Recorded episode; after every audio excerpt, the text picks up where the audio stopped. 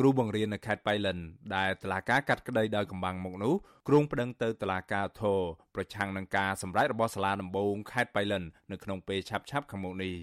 គ្រូបង្រៀននឹងជាកវីនិពន្ធវ័យក្មេងនៅក្រុងបៃលិនលោកយួងសូដាប្រាប់វិសុវអាស៊ីស្រីនៅព្រឹកថ្ងៃទី25ឧសភាថាលោកសោកស្ដាយយ៉ាងខ្លាំងដែលតឡាការផ្ដន់ទាទោសមកលើរូបគាត់ដោយដាក់ពន្ធនាគាររយៈពេល1ឆ្នាំដោយសារគ្រាន់តែលោកសម្ដែងមតិឈឺឆ្អាលរឿងប្រទេសជាតិនោះ យុវជនវ័យ23ឆ្នាំរូបនេះបញ្ជាក់ថាការដែលគាត់បង្ហោះសារនៅក្នុងបណ្ដាញសង្គម Facebook កាលពីពេលកន្លងទៅនោះគឺដោយសារតែលោកមិនពេញចិត្តចំពោះការសាងសង់ស្ទូបអនុស្សាវរីយ៍មិត្តភាពកម្ពុជាវៀតណាមនៅតំបន់អតីតខ្មែរក្រហមផ្ដាច់ខ្លួនលោកចាត់ទុកសេចក្តីសម្រេចរបស់តុលាការនេះថាគឺជារឿងអយុត្តិធម៌មិនអាចទទួលយកបាននោះឡើយ។ ព្រោះការធ្វើនេះទីមួយខ្ញុំយល់ថាវាជាសិទ្ធិសេរីភាពចេញមតិហើយណាមួយអាចថាខ្ញុំជាមនុស្សដែលជួយចិត្តនិយាយអីដែលពីតថភាពសង្គមជាក់ស្ដែងហ្នឹងដើម្បីរក្សាប្រយោជន៍ជូនប្រទេសជាតិខ្លួនឯងហ្នឹងអត់មានអីលើសពីហ្នឹងទេហើយខ្ញុំមិននាំអ្នកណាទៅធ្វើស្អីប្រទេសផ្ដាស់ឬក៏ឲ្យខុសពីច្បាប់ទេហើយខ្ញុំវាអត់នឹកស្មានថាអាញាធោបែរជាតាមរោចាប់ខ្លួនខ្ញុំហើយឥឡូវរោមិនឃើញក៏កាត់ទោសខ្ញុំតាមតែចិត្តពួកគាត់ចង់កាត់ចឹងខ្ញុំគ្រាន់តែជាគ្រូបរិញ្ញាតូចតាចម្នាក់ជាអ្នកសរសេរសភៅធម្មតាម្នាក់ហ្នឹងហេតុអីក៏ក៏តាមរកគឺខ្ញុំម្លេះប្រតិកម្មរបស់គ្រូបង្រៀនរូបនេះធ្វើឡើងក្រោយពេលកាលាបញ្ជីសាលាដំបងខេត្តបៃលិនលោកកៅរស់មនីឧត្តម បានចេញលិខិតជូនដំណឹងអំពីសេចក្តីសម្រេចរបស់តុលាការកាលពីថ្ងៃទី9ខែមេសាក៏ប៉ុន្តែលោកទើបតែទទួលបាននៅថ្ងៃទី24ខែឧសភា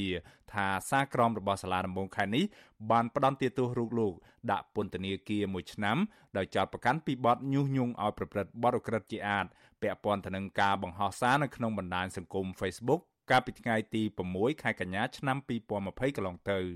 លេខិតដដែលបន្ថែមទៀតថាសារក្រមនេះជំនុំជម្រះជាសាធារណៈនៅថ្ងៃទី29ខែមីនានិងប្រកាសដោយកម្បាំងមុខជន់ជាប់ចោតនៅថ្ងៃទី7ខែមេសាតឡាការបញ្ជាក់ថាជនជាប់ចោតមានសិទ្ធិប្តឹងទោសនៅក្នុងរយៈពេល15ថ្ងៃក្រោយពេលទទួលបានដំណឹងនេះកាលពីថ្ងៃទី6ខែកញ្ញាឆ្នាំ2020 លោកយួងសូដាបានបង្ហោះសារនៅលើគណនី Facebook របស់លោកថា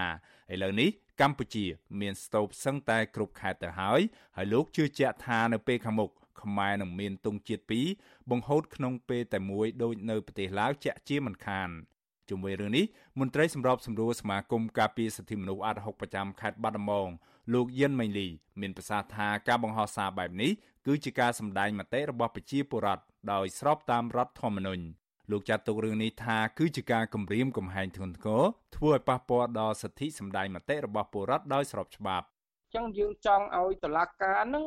លោកតម្លាក់បទចោតនឹងវិញទៅសម្រាប់គ្រូបរិញ្ញាម្នាក់សម្រាប់បុគ្គលម្នាក់ដែលគ្មានរចនាសម្ព័ន្ធគ្មានការដឹកនាំស្អីហ្នឹងតើពាក្យសម្ដីប្រមាណម៉ាត់ហ្នឹងជាការញុះញង់ទេប្រព័ន្ធផ្សព្វផ្សាយរបស់រដ្ឋច្រើនណាស់រដ្ឋអាចធ្វើការបកស្រាយប្រើប្រាស់ប្រព័ន្ធរបស់រដ្ឋហ្នឹង ដើម្បីឲ្យប្រជាពលរដ្ឋយល់ទៅបើយើងគិតថាអ្វីដែលគ្រូបង្រៀននឹង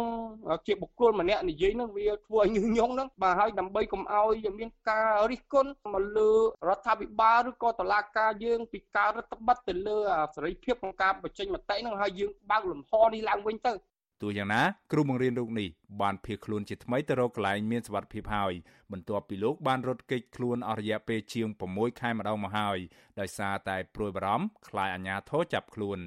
គ្រូបង្រៀនរូបនេះឲ្យដឹងថាបើទោះបីជាមានចំណាត់ការពីតុលាការបែបនេះក្តីក៏លោកនៅតែប្រកាន់ចំហ